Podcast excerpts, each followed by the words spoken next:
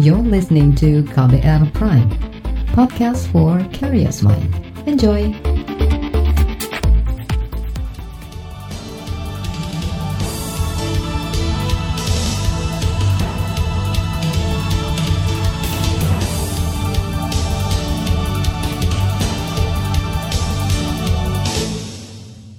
Selamat pagi saudara, senang sekali kami bisa menjumpai Anda kembali melalui program Buletin Pagi edisi Senin 15 Juni 2020 bersama saya Fitri Anggreni. Kami telah menyiapkan sejumlah informasi terkini di antaranya puluhan pusat perbelanjaan di Jakarta mulai beroperasi hari ini. Tahapan pilkada serentak dimulai. Jakarta gunakan metode plasma darah untuk tingkatkan kesembuhan pasien COVID-19. Inilah Buletin Pagi selengkapnya. Terbaru di Buletin Pagi. Puluhan mal atau pusat perbelanjaan di Jakarta hari ini akan dibuka kembali di tengah pandemi COVID-19. Puluhan mal itu antara lain Blok M dan Mall Cijantung. Pemerintah Provinsi DKI Jakarta memastikan akan mengawasi ketat operasional mal yang sempat ditutup lebih dari dua bulan akibat wabah virus corona. Wakil Gubernur Jakarta Ahmad Riza Patria menerjunkan Satpol PP dibantu aparat kepolisian untuk memastikan protokol kesehatan dijalankan oleh pusat perbelanjaan. Jangan sampai di masa PSBB transisi ini karena ada intensitas yang meningkat terhadap orang yang keluar dari rumah, maka penerapan protokol COVID harus lebih baik, lebih ketat. Kalaupun kami terus menyarankan kepada warga lebih baik tetap di rumah dan mau tetap buka bisa dilakukan pembelian melalui online dan sebagainya. Tapi apabila perlu memang datang ke mall, kami memahami udah dua bulan di luar itu dimungkinkan. Namun demikian kita minta seluruh warga patuh dan taat. Wakil Gubernur Jakarta Ahmad Riza Patria mengklaim mal-mal di Jakarta telah menyiapkan protokol khusus seperti mewajibkan penggunaan masker, pemeriksaan suhu tubuh, penggunaan lift tanpa sentuh, hingga aturan pembayaran non-tunai di setiap gerai yang ada di mal.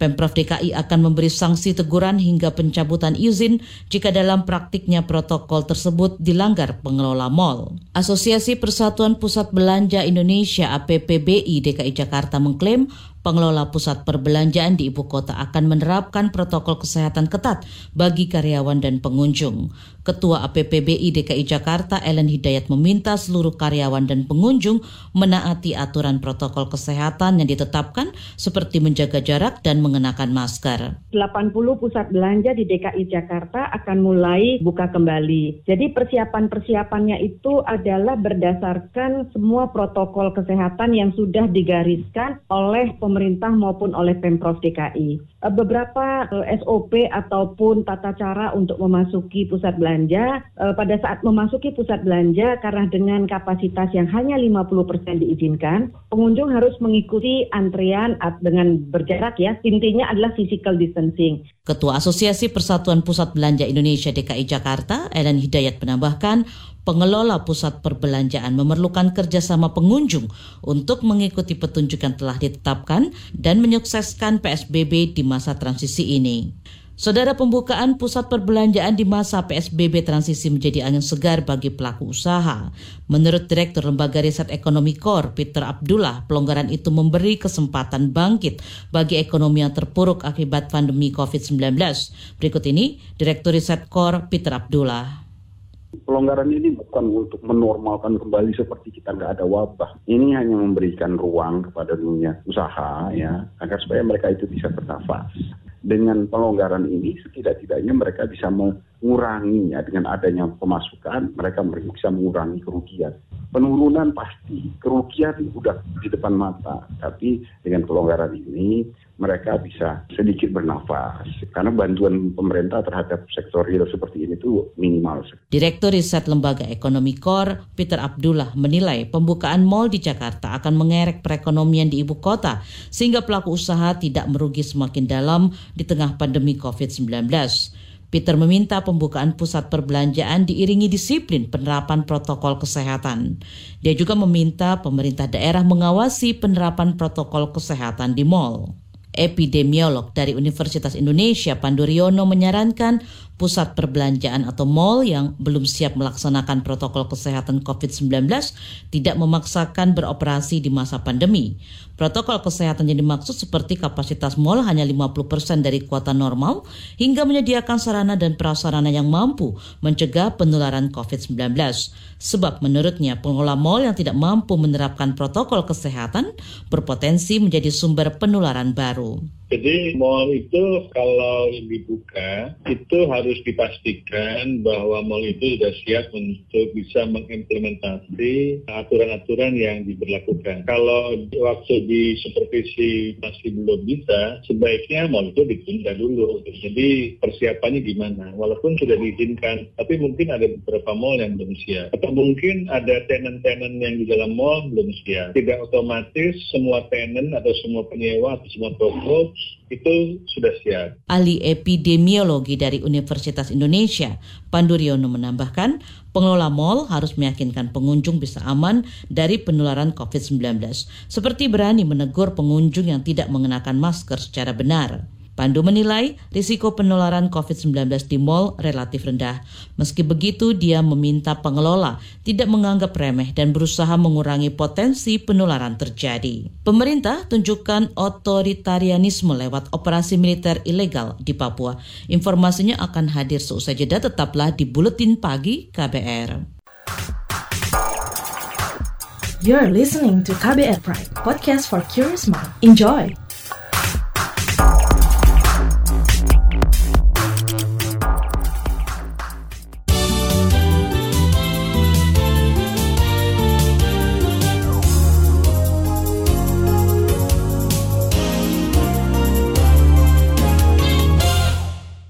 Yayasan Bantuan Hukum Indonesia YLBHI menilai pemerintah telah menunjukkan tanda-tanda kesewenang-wenangan melalui operasi militer ilegal di Papua. Ketua Umum YLBHI Asfinawati mengaku telah menerima sejumlah laporan bahwa ada operasi militer secara diam-diam oleh TNI di Papua. Operasi itu terjadi di beberapa daerah di Papua dan menimbulkan korban jiwa dari warga sipil. Dari laporan teman-teman LBH Papua dan uh, juga jaringan masyarakat sipil di Papua jelas sekali sebetulnya secara diam-diam ada operasi militer, ada Kopassus, uh, kemudian uh, ada ba ada banyak sekali uh, pasukan yang diterjunkan setidak-tidaknya uh, di Kabupaten Timika, Paniai, uh, Puncak Papua, Puncak Jaya dan Intan Jaya. Akibatnya apa? Tentu saja kita mendengar ada banyak kasus-kasus penembakan, salah tembak dan lain-lain. Ketua Umum YLBHI Asfinawati mendesak pemerintah menghentikan tindakan represif yang dibungkus dengan pendekatan keamanan. Asfinawati meminta agar kebijakan-kebijakan yang melawan hukum dicabut dan dihentikan segera apalagi pemerintah juga terikat pada konstitusi. Lembaga pemantau pemilihan umum perlu dan menilai mekanisme pencairan tambahan anggaran Pilkada serentak 2020 perlu pengawasan.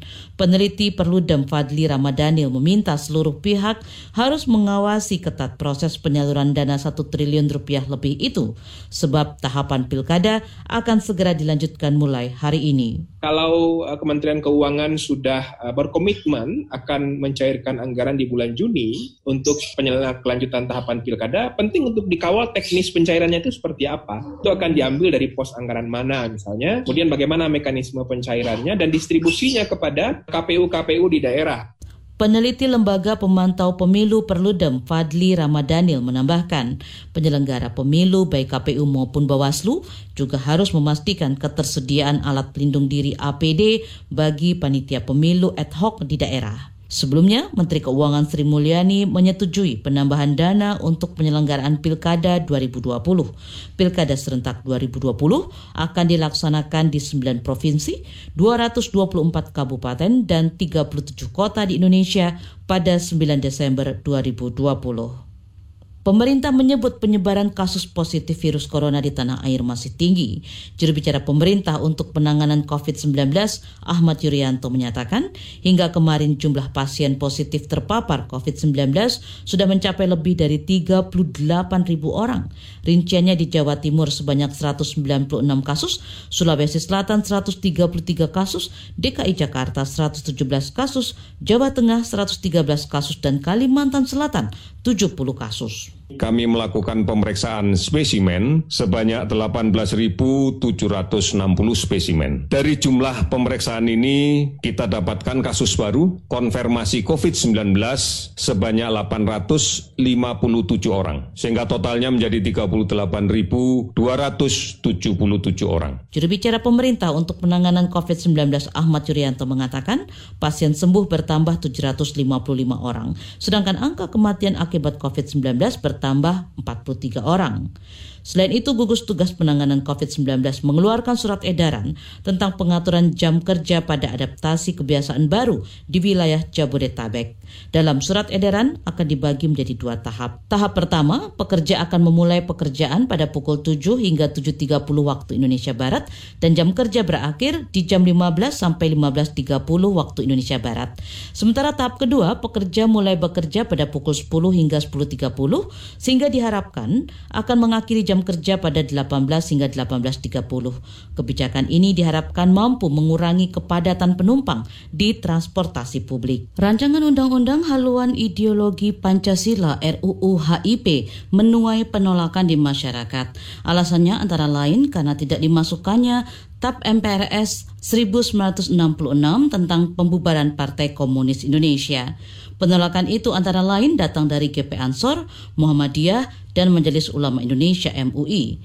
Menurut Ketua Dewan Pertimbangan MUI, Din Samsudin, RUU tersebut menurunkan derajat Pancasila, yakni dengan memonopoli penafsiran Pancasila yang merupakan hasil kesepakatan dan milik bersama. Hal itu kata dia berbahaya bagi eksistensi NKRI yang berdasarkan Pancasila. Karena itu MUI meminta Presiden Joko Widodo menghentikan pembahasan aturan RUU ini.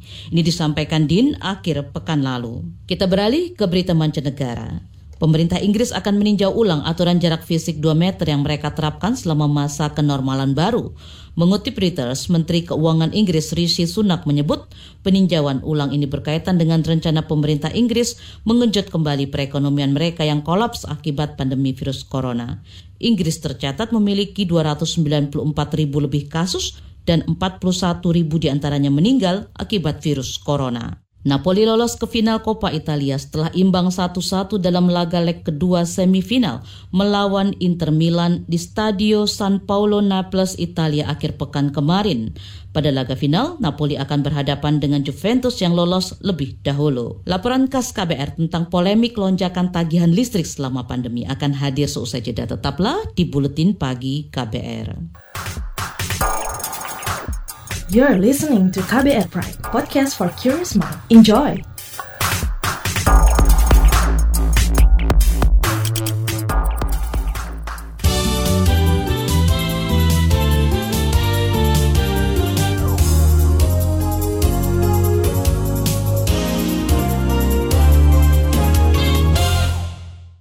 Sejak awal Juni, perusahaan listrik negara diberondong keluhan pelanggan karena lonjakan tagihan listrik yang tak masuk akal. PLN berdalih kenaikan signifikan terjadi karena imbas pembatasan sosial masa pandemi COVID-19.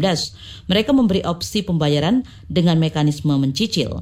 Namun warga yang berang menolak melunasi tagihan sebelum ada penjelasan gamblang. Simak laporan tim KBR yang dibacakan Astri Yuwanasari.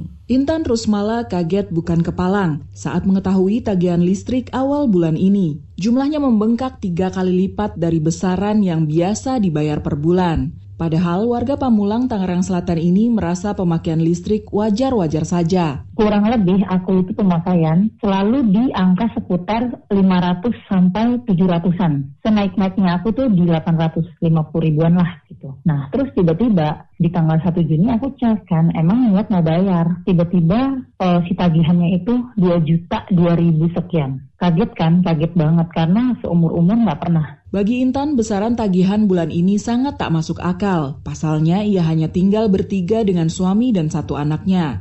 Rumah Intan cuma satu lantai dilengkapi satu unit pendingin ruangan, satu kulkas, dan satu televisi. Beberapa perangkat elektronik ini semestinya tak menyedot energi besar. Pas dihitung 1406, which is itu emang kalau dikali per KWH-nya benar 2 juta. Tapi yang jadi masalah kenapa bisa jadi 1400? Kalau boleh dicek historikalnya 8 tahun tinggal di rumah itu, saya cuma habis 300-400 KWH setiap bulan. Jadi aneh aneh banget tiba-tiba bisa tiga kali lipat. Tak tinggal diam, Intan langsung menghubungi layanan pengaduan PLN, tetapi nihil respon. Pemilik toko daring ini bahkan mendatangi langsung kantor PLN terdekat. Seperti biasa tuh dilempar ke sana kemari, nggak diangkat, dikasih musik segala macam, sampai akhirnya nanya-nanya temen, udah datengin aja kantornya gitu aku datengin yang kantor terdekat memang pas aku ke sana kantor PLN itu tutup semua dijaga sama satpam. Yang datang udah banyak sekitar 50-an orang datang termasuk aku dan suami. Uh, cuma dikasih daftar suruh isi nama keluhan uh, tempat tinggal aku di mana nomor telepon udah tuh aku tulis. Nanti kata satpam dihubungi oleh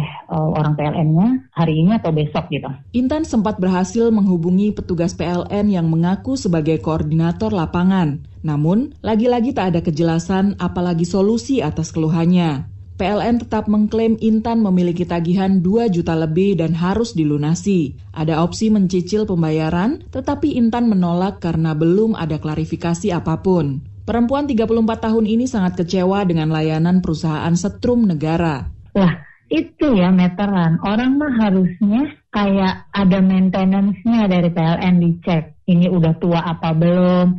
ini mundur apa enggak. Harusnya seperti itu kan. Ini malah kudu ada case dulu baru aku lapor dan belum tentu juga orangnya aku datang ke kantor mau keluar karena dijaga sampai kayak gitu sama satpam kemarin. Keluhan Intan dialami tak kurang dari puluhan ribu pelanggan. PLN mengklaim sudah merespon dan menyelesaikan mayoritas aduan tersebut. Direktur Niaga dan Manajemen Pelanggan PLN Bob Saril berdalih, lonjakan tagihan merupakan imbas pembatasan sosial. Pada Maret dan April, petugas PLN tak turun langsung ke rumah warga untuk mencatat meteran. Alhasil, jumlah pemakaian yang ditagihkan didasarkan pada rata-rata pemakaian tiga bulan terakhir sebelum pemberlakuan kerja dari rumah. Nah, tiga bulan ke belakang ini adalah pemakaian yang normal dia, yang di mana dia bekerja di kantor, hidup seperti biasa. Jadi pemakaian tiga bulan kita hitung mulai dari Desember, Januari, Februari. Tapi pada waktu COVID kan kebanyakan polanya berbeda. Sebagian besar itu bekerjanya di rumah, sehingga pemakaian mereka melonjak. Artinya ada selisih dari rata-rata tiga bulan dengan pemakaian sebenarnya.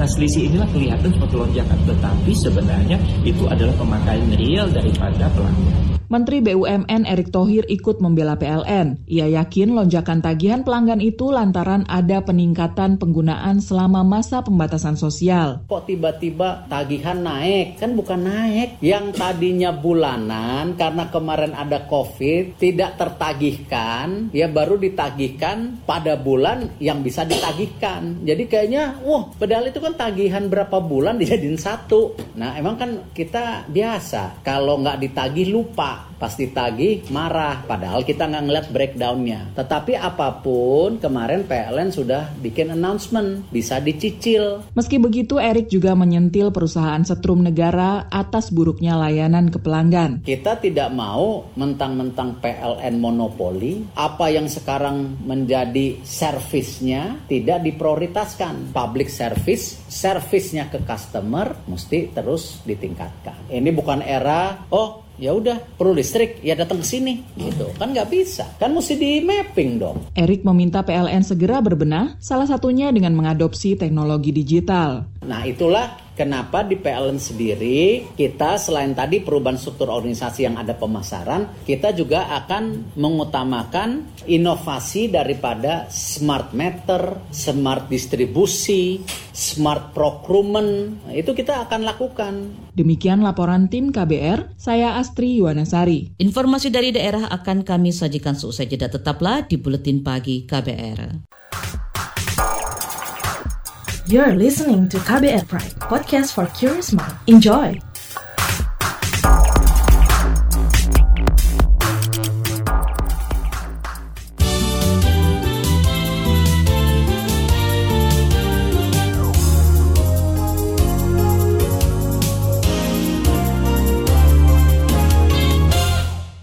Inilah bagian akhir buletin pagi KBR. Kita ke Kalimantan Timur, Tahapan pemilihan kepala daerah pilkada di Kota Balikpapan 2020 dimulai hari ini, pasca terbitnya peraturan KPU tentang tahapan pilkada.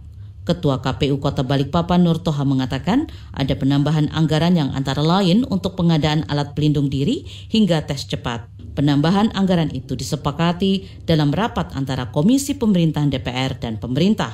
sementara pilkada serentak digelar pada 9 Desember 2020. Setiap tahapan nanti harus dilaksanakan dengan menggunakan protokol COVID. Menggunakan protokol COVID itu yang pertama ya masker itu wajib, penyediaan hand sanitizer, disinfektan, sarung tangan, kemudian termometer gun, kemudian rapid test, semua berimplikasi pada anggaran. Dan kita hitung-hitung itu dibalikkan saja itu uh, tidak sedikit, ternyata sampai belasan miliar. Ketua KPU Kota Balikpapan Nur Toha menambahkan, hari ini KPU Kota Balikpapan akan mengaktifkan panitia pemilihan kecamatan PPK dan melantik anggota PPS di 34 kelurahan. Pelantikan dilakukan dengan memerhatikan protokol kesehatan COVID-19. Toha mengakui telah mengoptimalisasikan anggaran dan menghemat hingga 6 miliar rupiah dengan memangkas sejumlah kegiatan pertemuan ataupun tetap muka yang melibatkan banyak orang. Kita ke Jakarta. Metode plasma darah untuk menyembuhkan pasien COVID-19 mulai diterapkan di Provinsi Jakarta. Wakil Gubernur DKI Jakarta, Ahmad Riza Patria mengatakan, DKI bersama PMI setempat sejak kemarin mulai proses pengambilan plasma darah. Memang pemerintah pusat gugus tugas pusat, Pak Doni sudah menyampaikan kepada kami di rapat sebelumnya agar DKI bisa memulai. Alhamdulillah hari ini berkat bantuan dukungan dari PMI DKI Jakarta, hari ini kita sudah memulai pengambilan plasma tersebut. Ini merupakan metode penyembuhan bagi pasien COVID-19 ya. Wakil Gubernur DKI Jakarta Ahmad Riza Patria menambahkan, penerapan metode ini menggandeng dokter, ahli, dan profesional di bidang terkait. Ahmad Riza mengklaim metode plasma darah ini didukung peralatan yang baik. Dia juga mengajak bekas pasien COVID-19 untuk memberikan plasma darahnya melalui PMI guna membantu pasien lain yang masih dalam proses penyembuhan. Kita ke Jawa Tengah. Saudara petani di dataran tinggi Dieng mewaspadai kemungkinan munculnya embun es atau bun upas yang dapat merusak tanaman pertanian.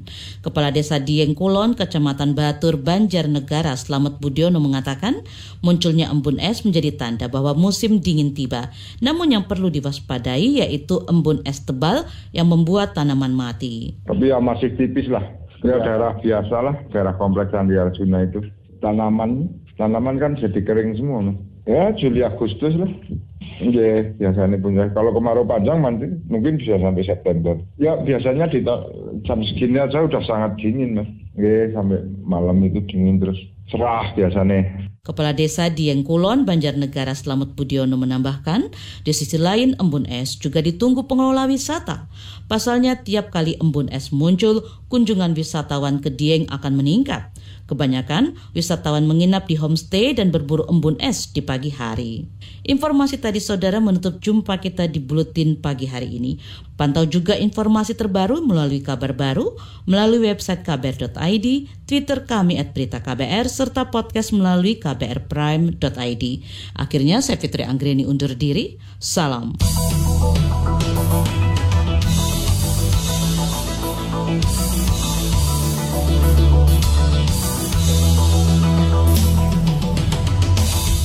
KBR Prime, cara asik mendengar berita.